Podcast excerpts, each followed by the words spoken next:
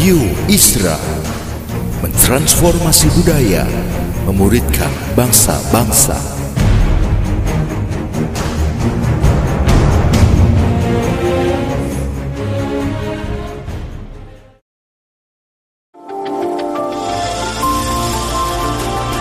Voice of Pradaim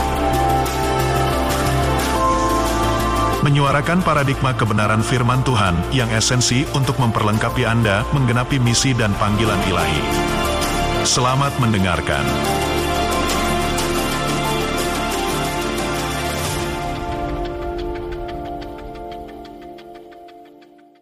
Nah, saya sangat tertarik waktu kita ngobrol-ngobrol. Kalian punya ada arahan Tuhan untuk local church ini, ya, bukan berarti gereja lain, enggak, tapi uh, ada yang khusus. Artinya jadi seperti Tuhan kasih baju buat kalian.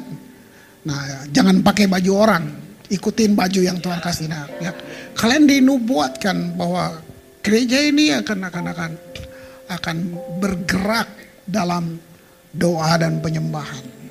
Nah itu saya nggak anggap itu seperti klise. Jangan, jangan saudaraku. Apa prophetic church? Prophetic church bukan ada orang di depan bilang that says the Lord. Bukan hanya itu. Tapi prophetic church artinya gini, waktu Tuhan sedang bergerak dengan dengan dengan keinginannya, ada gereja di situ yang menangkap apa yang Tuhan mau. Nah, jadi gereja nggak bergerak berdasarkan programnya dia, maunya dia, sinodenya dia, tapi gereja bergerak berdasarkan apa yang Tuhan mau. Nah, gereja itu disebut prophetic church. Nah, prophetic people adalah orang-orang yang waktu Tuhan mau bergerak, dia ada di situ.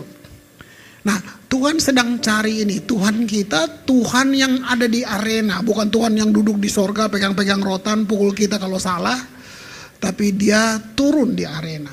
Nah ini ini penting. Nah saya saya saya jadi saya bicara saya atas apa yang saudara dapat nubuatan untuk saudara sebagai gereja. Nah kita lihat dulu satu Samuel 16 saya saya uh, teringat itu tadi. Berfirmanlah Tuhan kepada Samuel, kan? Berapa lama lagi engkau berduka cita karena Saul? Bukankah ia telah kutolak sebagai raja atas Israel? Isilah tabung tandukmu dengan minyak dan pergilah. Aku mengutus engkau kepada Isai orang Bethlehem itu. Sebab di antara anak-anaknya telah kupilih seorang raja bagiku. Nah, cuman sampai di situ. Kalau saudara lihat Alkitab, Saudara sebagai gereja yang dapat nubuatan ini, mari lihat apa pesan profetik dari ayat-ayat yang kamu baca. Nah, berarti kalian disebut satu masyarakat yang profetik, ya. Karena itu nubuatannya. Itu nubuatannya. Kalian harus harus percaya, harus agendakan hidupmu di situ. Kalau enggak, ya cuman judul. Kalau enggak dia cuma cuman istilah aja gitu buat kalian. Nah, apa pesan Tuhan lewat Samuel tadi? Nah, pertama sebagai bangsa Tuhan itu mau buat perbedaan dengan Israel. Nah, Israel gagal. Di dunia ini Tuhan mau buat ada satu bangsa yang beda banget. Seluruh masyarakatnya orang atau individu per individu semuanya imam. Hebat nggak tuh? Kamu akan menjadiku satu bagiku satu kerajaan imam.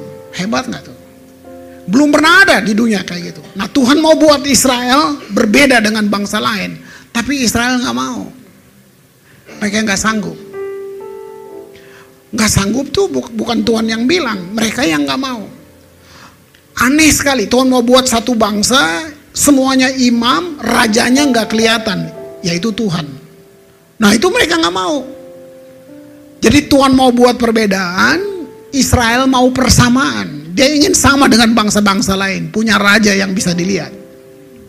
Nah takut Seharusnya waktu Tuhan bilang kalian akan membawa atau mantel kamu itu doa dan penyembahan, tapi kamu sedang mau kayak gereja lain. Nah, mari duduk pikirin ini. Tuhan sedang mau buat satu yang spesifik dengan gereja ini. Di, nah, tapi kalian sedang mau kayak gereja lain, mau kayak Amerika lah, mungkin mau kayak Australia, mau kayak mana aja lah, terserah.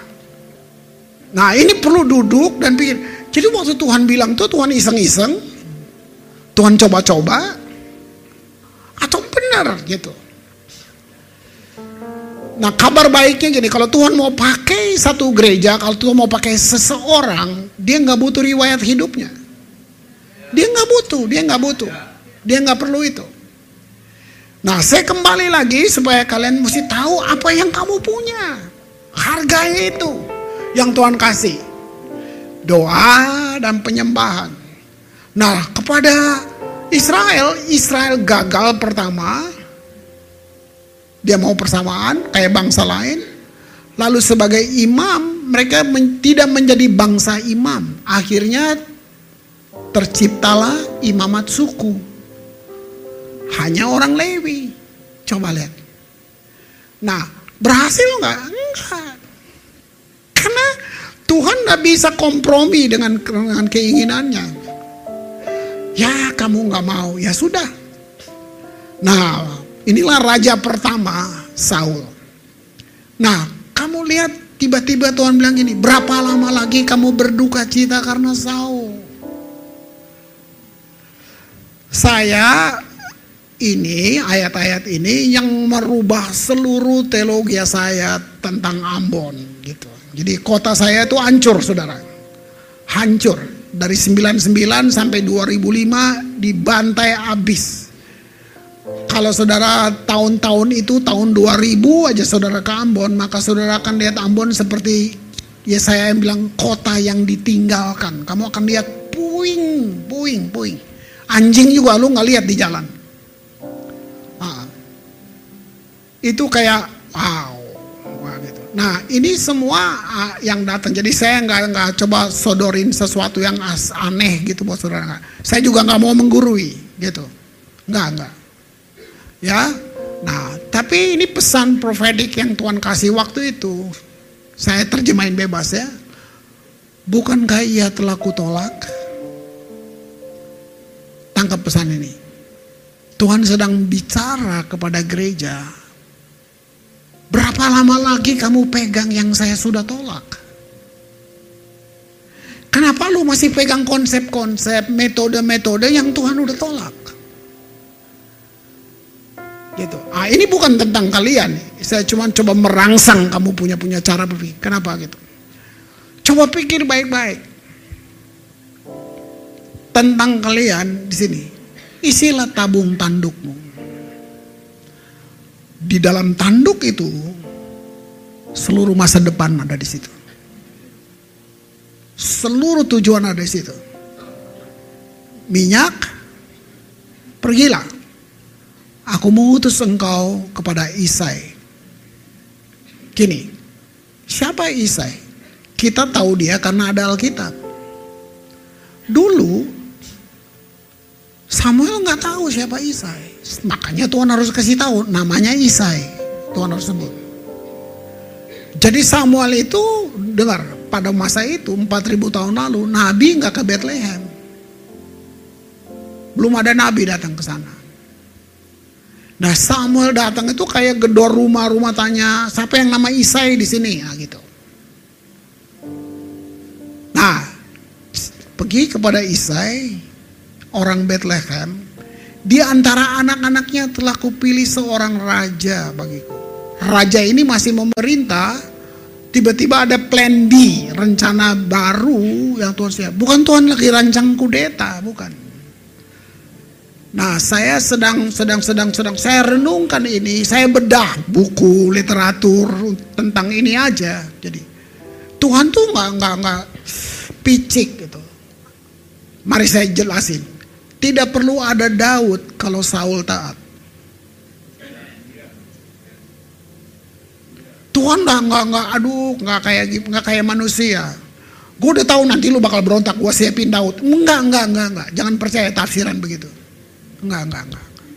Tuhan enggak iseng-iseng waktu pilih Saul. Enggak, enggak, enggak. Tuhan enggak coba-coba dengan Saul. Gitu. Nah tapi gitu dia. Makanya waktu saudara terima nubuatan ini buat saya unik sekali saudara. Saudara dapat nubuatan tentang doa dan penyembahan. Nah mari agendakan seluruh program apa pun di sini untuk mewujud nyatakan itu. Udah jangan mimpi-mimpi yang lain. Jangan. Jangan lah. Karena gereja lain gitu. Yuk kita, aduh jangan dong. Jangan, jangan, jangan. Jangan. Wah ini luar biasa. Nah siapa Daud? Kita juga kita juga tahu karena ada Alkitab. Enggak ada yang tahu. Kalau sekarang saya pikir, ya kita di Greenfield, mungkin saudara bilang gitu. Nah gue di Ambon lebih desa lagi dari lo. ya kan? Nah, mari mari saya bilang, kalau ngomong fashion, ngomong teknologi, gue minder sama lo. Tapi kalau ngomong Tuhan, satu senti gue nggak mundur dari lo. Enggak, enggak. Kenapa kalau Tuhan gua yang di Ambon sama sama yang di Amerika, yang di mana sama, sama, sama. Saya nggak mau kalah di sini. Untuk yang ini saya nggak mau mundur. Untuk yang ini apa pun gitu. Kalau kita ngomong bisnis, ngomong yang lain, udahlah minder lah. Nah, saudara musinya begitu. Saudara hadir di Greenfield ini untuk satu yang punya alam semesta. Saudara sedang ada di sini. Nah, kamu nggak perlu bersaing, rasa tersaing apa nggak bisa. Nggak iseng-iseng Tuhan di sini. Ah, ini ini ini keren. Nah, Tuhan Tuhan spesifik cari anaknya. Anaknya ini banyak masalahnya. Anaknya Isai banyak banget. Tuhan bilang cari. Nanti gue tunjukin buat lo. Nah ketemu namanya David. Kita sekali lagi. Karena kamu punya Alkitab. Oke, saya sudah pelajari mungkin 20 buku tentang Daud saja.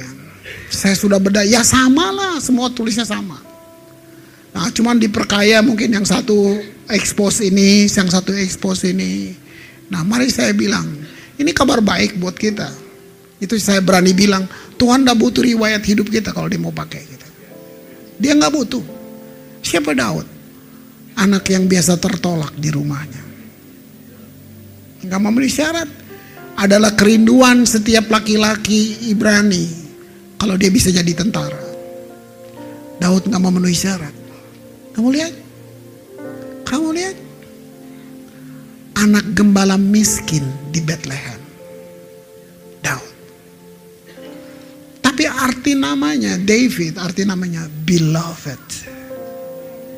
Nah, mari concern dengan nubuatan kalian itu gitu. Kiranya Tuhan menemukan heart of David di gereja ini.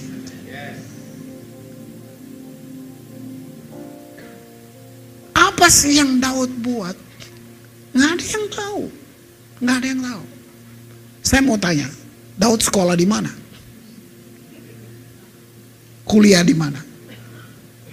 Lu pinter, lu masih kuliah. Belajar sastra di mana Daud?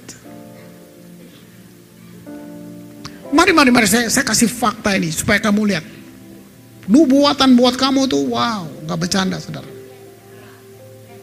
Tapi maksudnya gini, bukan tanggung jawab siapa semua kita kalau kamu benar-benar merasa kamu adalah gereja lokal ini, ini tanggung jawab kamu. Di mana Daud sekolah? Tapi kamu bisa lihat nggak pengenalan Daud? Saya keliling, saya lihat saya punya singer-singer di Ambon.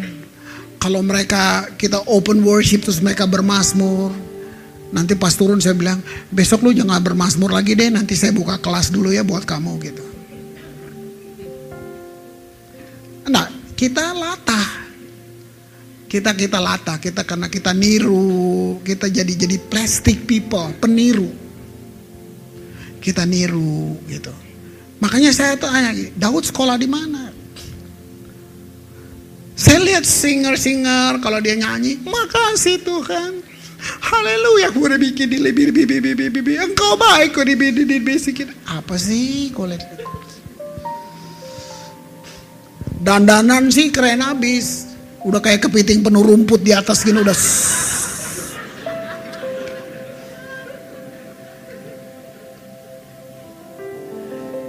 Tapi saudara lihat, saudara lihat, saudara lihat, saudara lihat. Nanti minggu depan pasti sama. Lihat. Haleluya, glory, engkau baik, luar biasa. Bidi, bidi, bidi, bidi, bidi, bidi, bidi, bidi. Saya cuma lihat, ya aduh, udah jangan deh.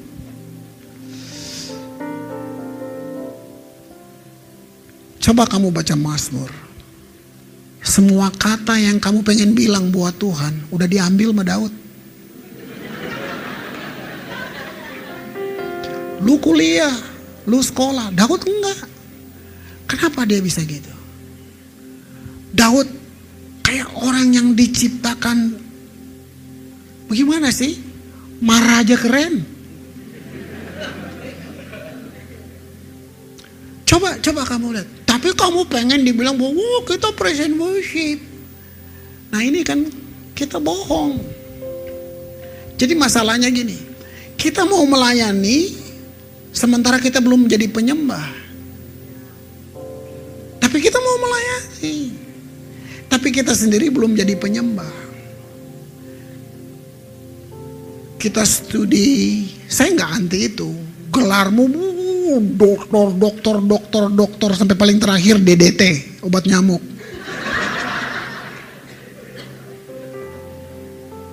Kamu tahu apa gelarnya Daud? Pemasmur yang disenangi di Israel. Salmis. Itu gelarnya. Tadi saya suka Wan tadi bacain Yohanes 4. Yohanes 4 itu di Yohanes 4 kalau saudara baca. Saya mau kamu bayangin ini. Tuhan meninggalkan sorga. Dia tinggalkan kekekalan untuk datang ke bumi. Sampai di Samaria. Dia ngomong sama pelacur itu. Tahu nggak dia bilang apa? Bapak saya cari penyembah. Dia tinggalin sorga ke bumi. Wow. Saya sih belum pernah ke sorga. Ada pendeta yang bolak-balik melulu ada tuh. Ah, ah, ah, gitu. Ah. Gue cemburu nggak pernah diajak. Hmm. Gitu ya. Nah, kalau kamu dengar dia datang dari sorga ke bumi, terus dia ngomong ini, Bapak saya cari penyembah. Dia nggak bilang ini, Bapak saya cari siapa paling kaya di sini? The best preacher, the best piano, dia nggak nyari. Bilang, Bapak saya cari penyembah. Kenapa dia cari? Karena langka. Nah, kamu dinubuatin. Kiranya seorang bilang ini, gua ketemu di Greenfield udah ada. Nah, saya saya saya nggak saya nggak perlu saya, saya cuma mau kok mau rangsang saudara aja supaya kamu stimulasi kamu punya spirit bahwa wow kalau bisa gereja ini menjadi the singing church. Orang masih di live udah iya aduh aduh aduh. Iya kan? Udah pernah belum ke Greenfield? Kau tahu nggak gereja-gereja apa tuh aba-aba kenapa tuh udah tahu? Ah, kan gitu kan? Udah pernah belum? Udah belum? Pendetanya kecil-kecil aja tuh katanya kita. Belum. Ah, kalau bisa sebelum mati lu ke situ dulu dah. Nah,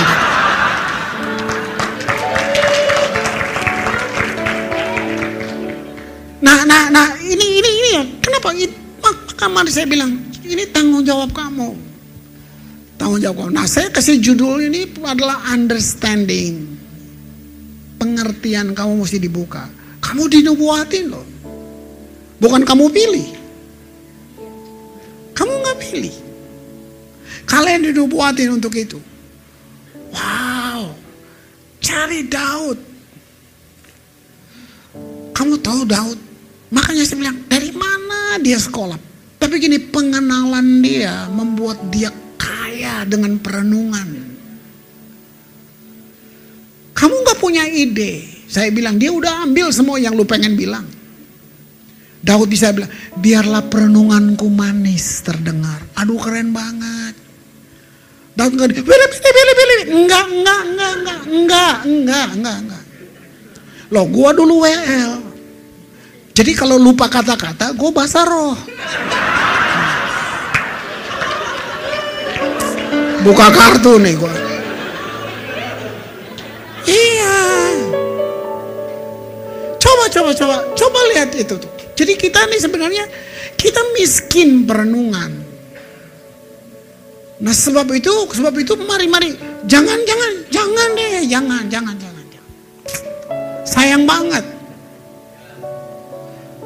Tahu ke manakah aku bisa pergi menjauhimu Tuhan? Kedunya orang mati pun kamu di sana. Wih Tuhan, udah gue bilang marah aja keren. Kegetiran bisa menjadi satu perenungan seni sama Daud. Sampai mungkin mungkin gitu ya. Tuhan tuh kalau mau marah nggak jadi Daud, aduh lu mah terlalu lu memang aduh. aduh, aduh.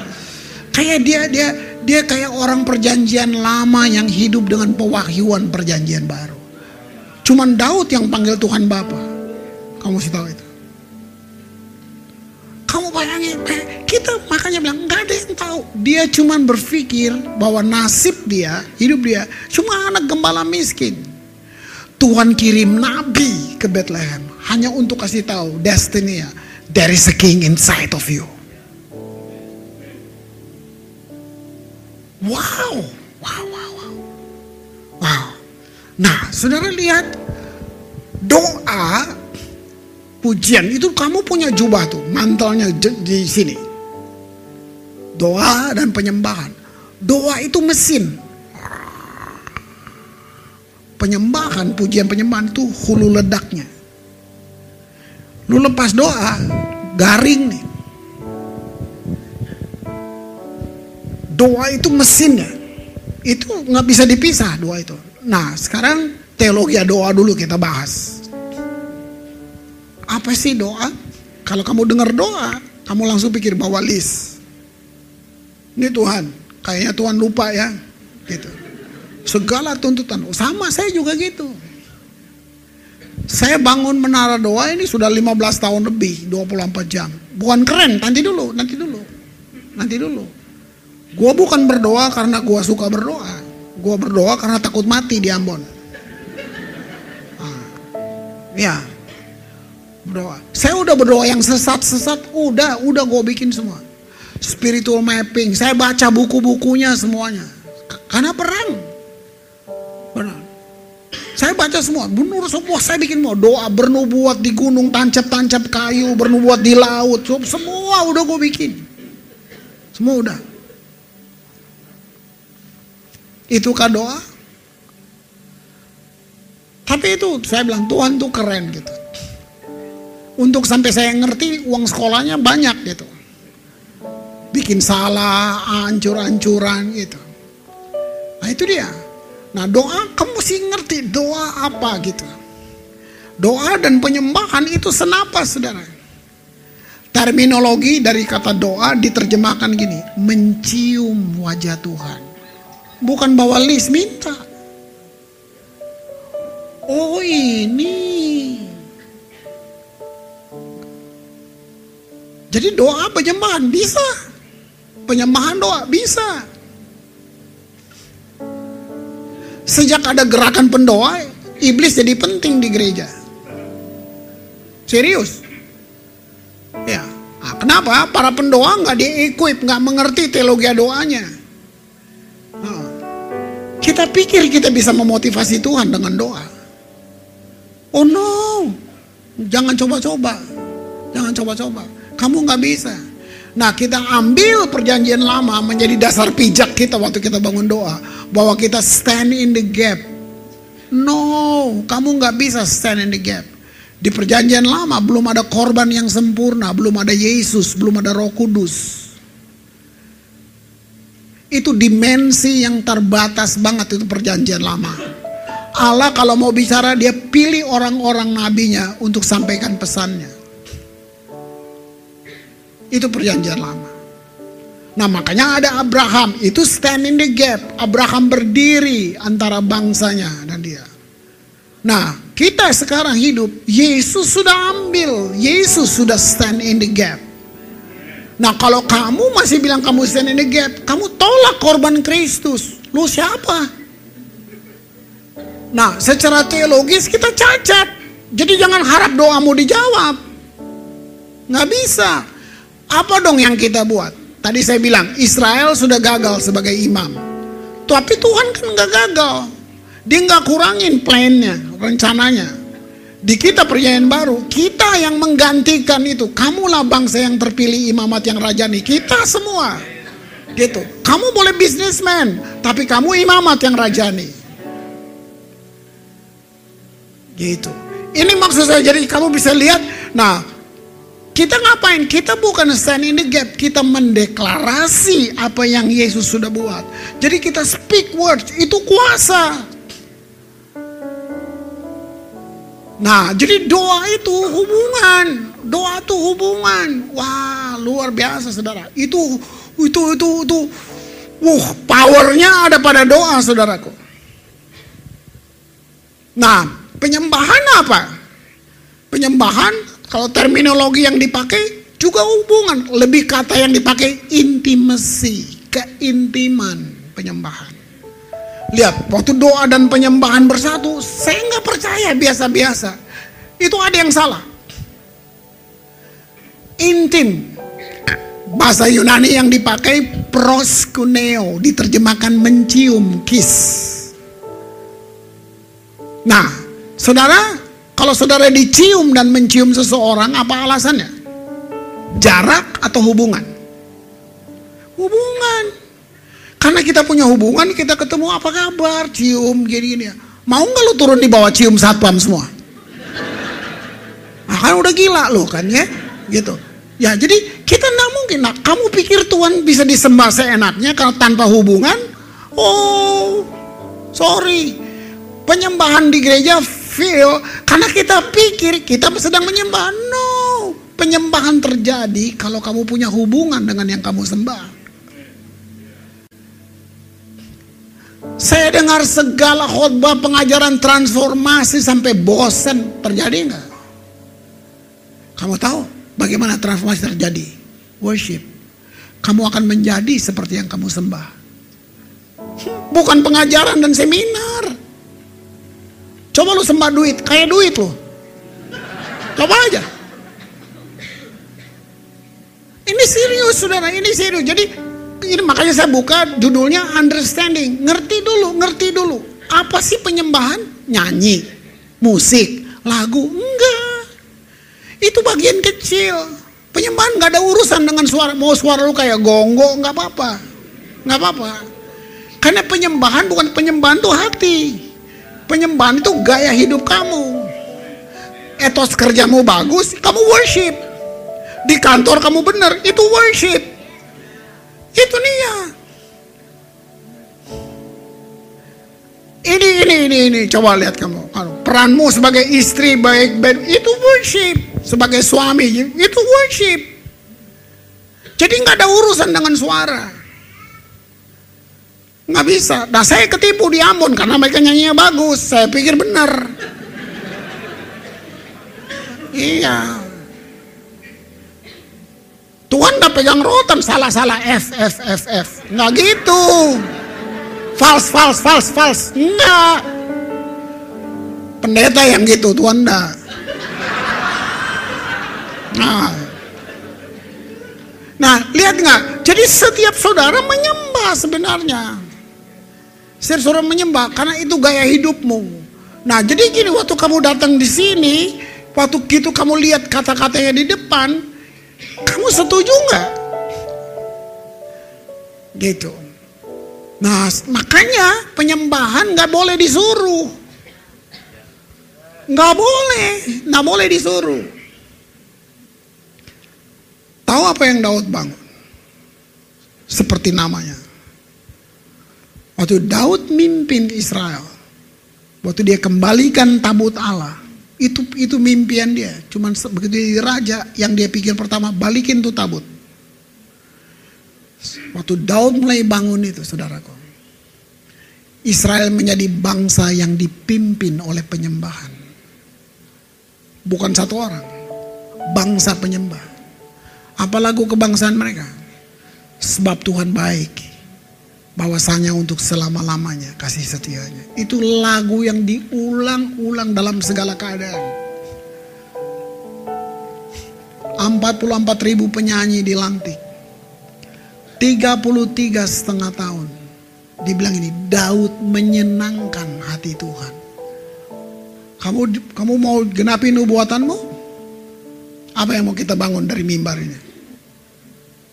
Coba saudara pikir.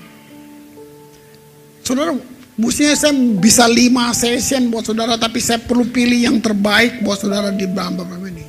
Kamu tahu penyembahan apa tahu? Kata intimacy. Itu bahasanya orang dewasa, saudara. Jadi saudara bisa duduk di sini dalam hadirat tapi saudara sebenarnya nggak menyembah. Karena penyembahan terjadi waktu kamu punya hubungan dengan dia. Nah jadi WL nggak boleh perintah apa pun. Kalau orang nggak nyembah, bukan salah WL di sini. It's your problem. Kamu yang punya masa lalu nggak nyembah ya masa lalu. Cuma pendeta yang salah gembala sidang kalau orang nggak nyembah yang dimarah WL-nya nggak ngangkat tadi. Mau ngangkat apa?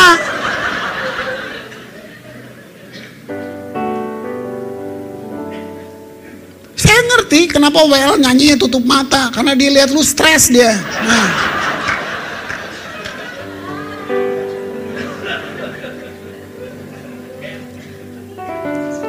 Ya, saya mau kayak anak kecil aja supaya saudara tangkap, saya tangkap benar-benar. Nah, jadi gini, apa esensi dulu dari penyembahan?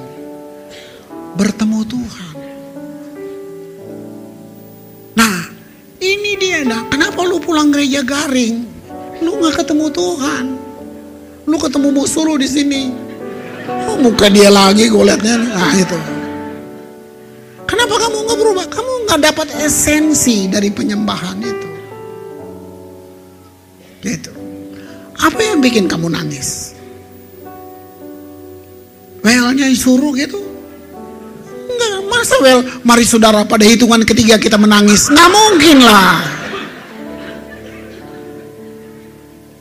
Apa coba? Kamu kenal, kamu cuma baca kata-kata dia touching banget di kamu. Sementara yang di sebelah kamu lihat ini, eh nangis. Nah, kelihat sama di gereja, sama sedang atmosfernya ada di sini, tapi dia nggak punya pengalaman. Kamu di jama, dia nggak. Dia punya agama. Jadi Kristen tanpa pengalaman jumpa, kamu sedang gagal jadi Kristen. Jadi Kristen tanpa pengalaman diubahkan, kamu sedang gagal jadi Kristen. Nah lebih dalam lagi istilah Ibrani tentang keintiman itu disebut yada. Yada kalau boleh diterjemahin bebas itu gini hubungan suami istri. Penyembahan mahal saudara, mahal banget. Kamu pikir Tuhan rindu dengar khotbah? Lu yang rindu dengar khotbah. Tahu nggak Tuhan rindu penyembahan? Apa yang paling paling apa? Terbaik kamu beri buat Tuhan. Apa coba? Yang paling terbaik? Duit? Emang Tuhan butuh duit?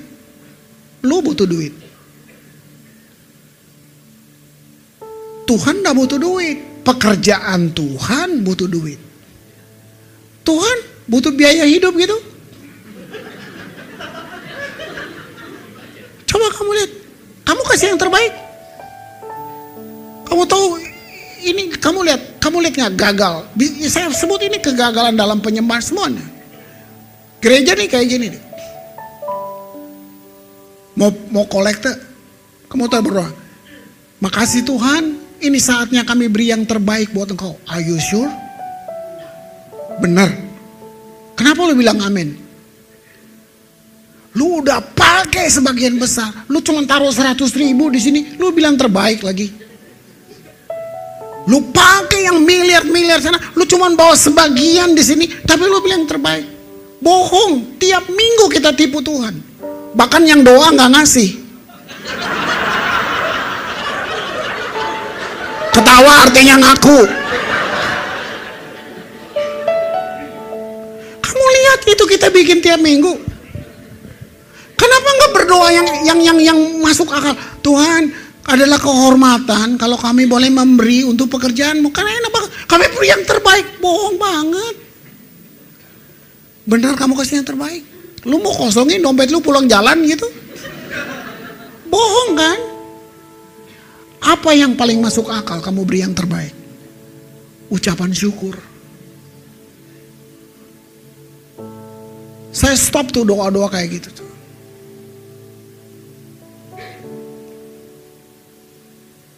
Ucapan syukur. Dengar lagi ya. Tahu nggak waktu kamu menyembah kamu buat apa? Tuhan, dia bisa bikin apa aja sesuka dia. Dia maha. Dia bisa bikin apa aja. Ada satu hal yang dia nggak bisa buat. Dia nggak bisa menyembah dirinya. Waktu kamu menyembah, kamu sedang buat yang Tuhan tidak bisa buat. Makanya nggak boleh disuruh. Berarti Tuhan disembah karena disuruh. Nyanyi disuruh, tepuk tangan disuruh, berdiri disuruh, semua disuruh sepanjang tahun disuruh. Itu sekolah minggu. Saya mau bilang serius, kamu nggak buat penyembahan, tapi lu pengen berkat, pengen selamat, pengen semua licik lu. Serius. Coba pikir, nggak ada yang lain. Kamu bisa kasih apa buat Tuhan? Dia jual satu bintang, nggak ada yang bisa beli di sini.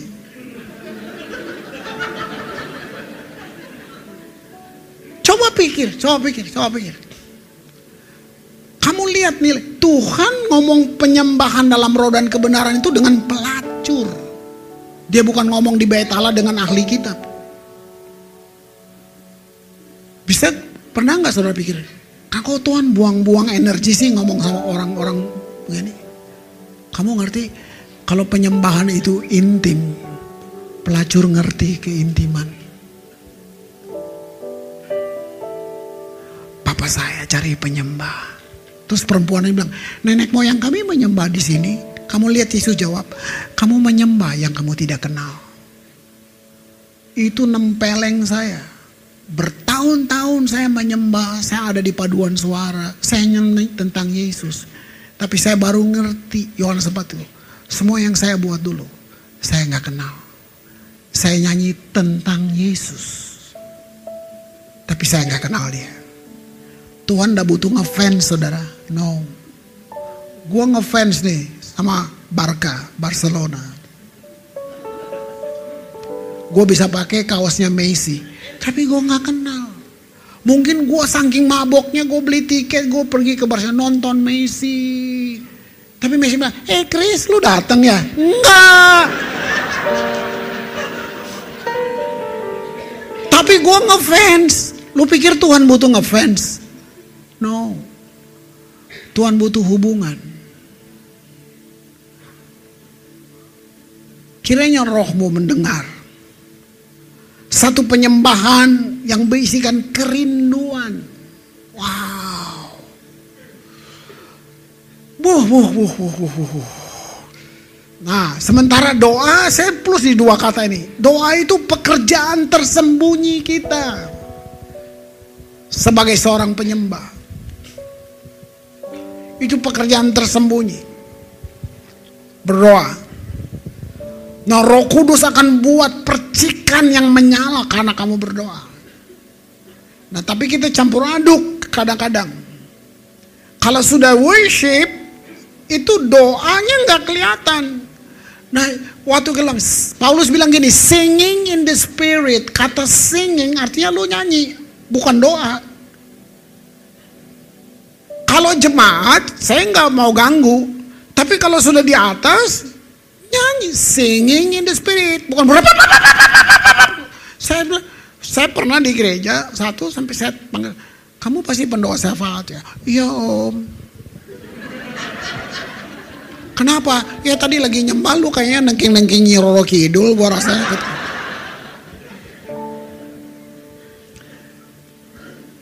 Mari saya jelasin, mari saya jelasin. Apa worship?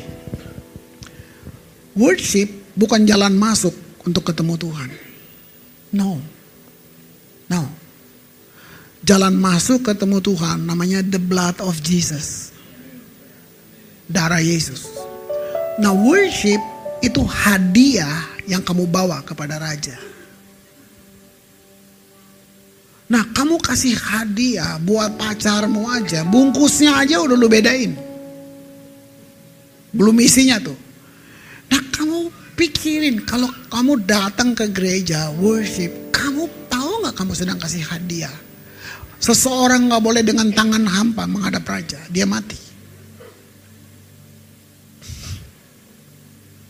Kamu lihat, saya baca bukunya Daud, para teolog sampai menulis ini komentar mereka. Kenapa Daud nggak mati ya? Nah, silakan mikir deh lu nanya sana. Nyatanya, kenapa Daud nggak mati? Kamu tahu apa yang Daud buat? Dia langgar seluruh peraturan keimamatan. Daud buat sesuatu yang belum pernah terjadi di Israel. Kamu bayangin Tuhan tidak suruh. Itu yang pertanyaan para para teolog itu.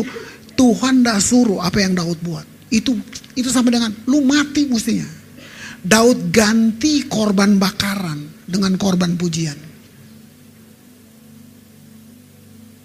33 setengah tahun Daud menyenangkan hati Tuhan.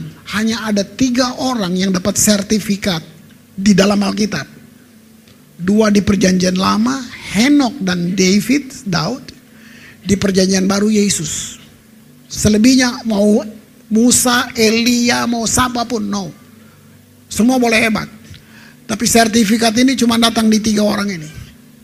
Namanya gini, berkenan di hati Allah. Wow, berkenan. Pelajari Daud. Siapa Daud? Orang ini jatuh sesering dia berdiri. Tapi apa sih, apa sih yang luar biasa dari Daud? Keterbukaan, jujur, serah sama Tuhan, nggak main-main. Sedikit lagi. Oswald Chamber. Dia bilang gini, kalau kamu bekerja, kamu cuma bekerja. Tapi kalau kamu berdoa, Tuhan bekerja. Sebenarnya waktu kalian dapat nubuat ini, kalian akan bikin jungkir balik kota ini hanya dengan dua ini. Pray and worship. Wow. Doa menghasilkan kepekaan. Kita bisa dengar roh kudus. Tadi kamu nyembah, kamu nggak sadar. Saya tadi cuma bisi-bisi. Sebenarnya gini, waktu kamu nyembah tadi kenapa? Seluruh iman kamu aktif tadi. Harusnya dalam dalam tadi kamu bisa dengar Tuhan.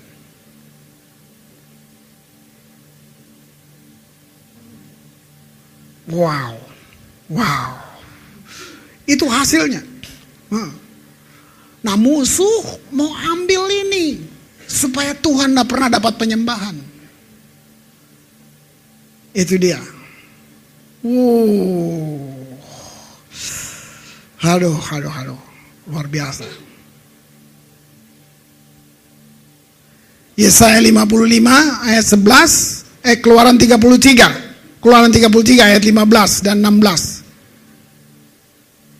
Ini yang saya ini yang saya bilang ini hubungan. Berkatalah Musa kepadanya kepada Tuhan. Jika engkau sendiri tidak membimbing kami, jangan suruh kami berangkat dari sini. Dari mana kegerangan akan diketahui bahwa aku telah mendapat kasih karunia di hadapanmu, yakni aku dengan umatmu ini. Bukankah engkau yang berjalan bersama-sama dengan kami, sehingga kami, aku dengan umatmu ini dibedakan dari segala bangsa yang ada di muka bumi ini. Sopan ya. Mari saya kasih terjemahannya. Tuhan tuh bilang gini, Musa bawa umatku pergi, jalan. Sekarang gerak. Musinya Musa gini, yes Lord, siap. Tapi Musa, Musa bilang gini, jangan suruh kami pergi, kecuali engkau berjalan di depan kami. Kurang ajar kayak ini? Bukan, ini hubungan. Kamu bayangin 2 juta orang yang dia mesti pimpin. Musuh seperti belalang di sana. Tuhan bilang, jalan. Musa berdiri di depan. Jangan suruh kami pergi. Kecuali engkau berjalan di depan kami. Apa yang membuat kita berbeda dengan bangsa lain? Kecuali mereka lihat tanganmu menyertai kami. Ini bukan kurang ajar. Ini hubungan. Wow, wow, wow. Kalau kamu lihat baca sampai keluaran 32, Tuhan bilang, Musa, keluar, keluar, keluar. Gua bunuh nih semuanya. Itu saya sampai bilang, masa Tuhan seperti itu sih? Pikir, pikir, pikir. Mereka udah terlalu kurang ajar nih umat. Pikir. Tapi lu Musa, gua nggak bunuh lu ya. Lu, lu nanti gua, gua, gua bikin lu jadi keren. Gua bikin bangsa baru buat lu. Terus Musa emang Tuhan gua dimakmar. Nggak gitu Musa. Kamu kalau baca keluaran 32, Musa berdiri, Tuhan menyesalah atas apa yang manusia bisa suruh Tuhan menyesal. Wow. Tuhan menyesalah atas apa yang kau rancangkan. Ingatlah bahwa engkau yang bebas. Waduh Musa rayu Tuhan. Ayat di bawahnya begini. Maka menyesalah Tuhan. Aduh. Kalau bukan hubungan apa lagi? Nggak ada nasib buat kita. Nasib itu fatalisme. Kamu bisa rubah semuanya. Tadi saya bilang pendoa yang yang nggak nggak nggak punya basic teologi doanya itu yang ngaco semua. Turun dari menara, ter, cari saya, Pak. Saya tadi berdoa buat Bapak. Oh iya, makasih. Terus katanya iblis mau nyerang Bapak. Kurang ajar loh.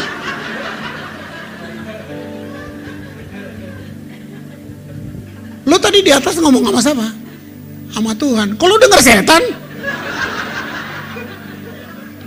Loh, saudara ketawa. Bayangin kalau gua percaya. Bisa pikir nggak? Bayangin, saya punya, bayangin ya. Orang habis ngomong dua jam sama Tuhan di menara, turun nyari saya. Berarti Tuhan yang ngasih tahu, iblis mau nyerang. Kan dia habis itu pulang, habis ngomong iblis mau nyerang. Ya udah pulang. Nah gua nunggu-nunggu kapan diserang. Lu bayangin kalau gua percaya. Dia mau udah tidur, kok belum tidur. Ada pintu bunyi, setan mau mas.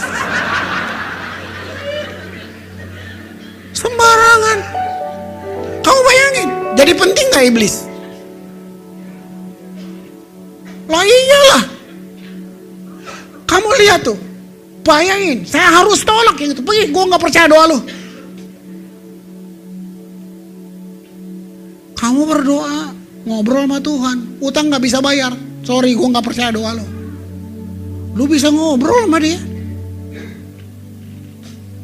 Ini nih, nah ini dia yang saya maksud. Yang gini-gini nih yang bikin, yang bikin semuanya nih kacau. Ada lagi, ada ibu-ibu nangis. Kenapa? Tadi si ibu ini, ibu Tuti tadi ke rumah.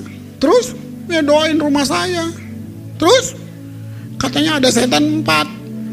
Hah? Kok nggak diusir? Udah, tapi mau balik lagi. Hah?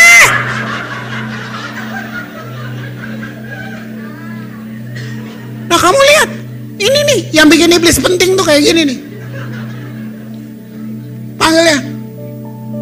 Kamu doain apa? Iya tadi ada banyak kuasa gelap, ada berapa setannya? Ada empat. Salah. Bener mah empat, lima. Salah, lima. Kok lima? Yang satu lo. Ah.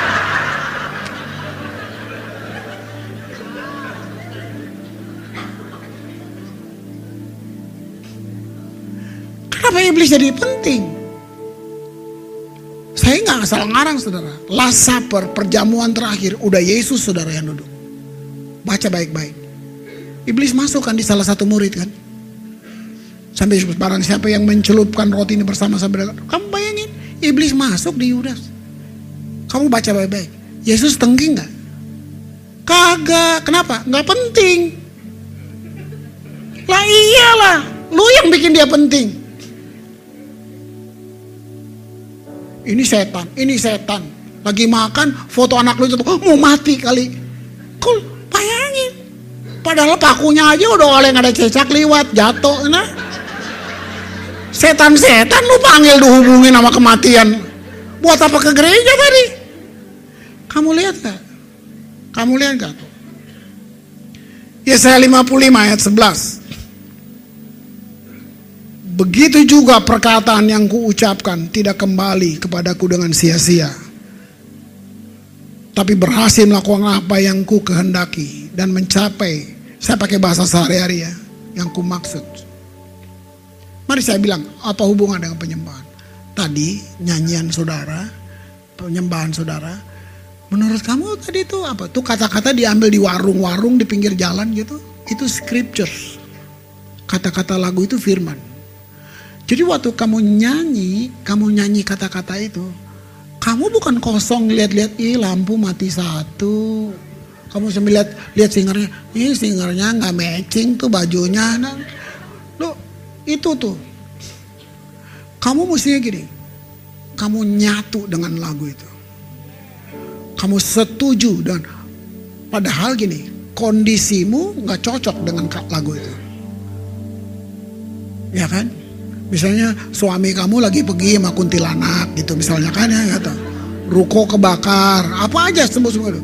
Tapi kata-katanya begini Tuhan perkasa, Tuhan baik, Tuhan. Nah itu kan nggak itu berantem kan di dalam. Tapi gini, karena kata toda dalam penyembahan itu artinya gini, I will, saya memutuskan. Jadi bukan disuruh.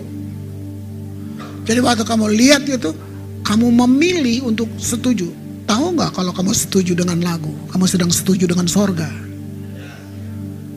Nah, ini understanding. Saya main di sini aja. Kamu lihat, waktu penyembahan dan doa tuh kamu naikin, ini pedang ini bermata dua.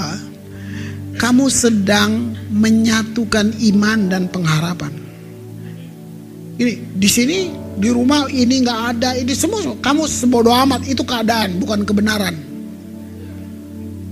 Kamu jadi makanya saya bilang iman aktif. Kamu sedang menga, penyembahan pujian itu gini. Kita mengakui sifat-sifat Tuhan. Masa sih Tuhan diam?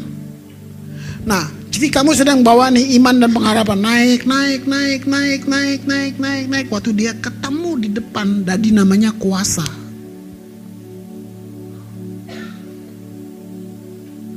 Kamu nyanyi untuk raja. Kamu punya hubungan dengan raja. Kamu sembah raja. Masa lu gak dapat fasilitas raja sih? Gue gak percaya lu biasa-biasa. Buat saya gereja ini semua ini sudah bukti perkenanan Tuhan. Itu aja. Ini sudah bukti.